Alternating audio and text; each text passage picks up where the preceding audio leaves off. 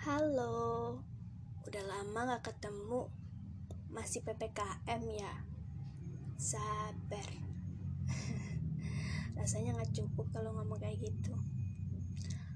Oke. Sekarang kita bicara tentang pusat terendah dalam roda kehidupan. Yang sebenarnya pusat terendah itu akan kita lewati terus menerus Selama kita hidup. Dan gak bisa kita hindari begitu aja jika memang kamu sedang mengalami masa-masa tersebut, percayalah, selagi kamu masih percaya Tuhan, semuanya akan baik-baik saja.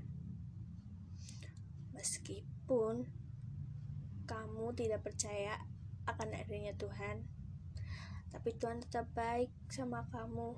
Dia memberikan kesempatan buat kamu hidup kalau lagi berada di pusat terendah dalam hidup, menyerah pasti selalu ada. Ah, susah. Ya ampun, gini banget sih hidup gue. Kenapa gue gak bisa kayak dia? Banyak kan yang ngomong kayak gitu pasti.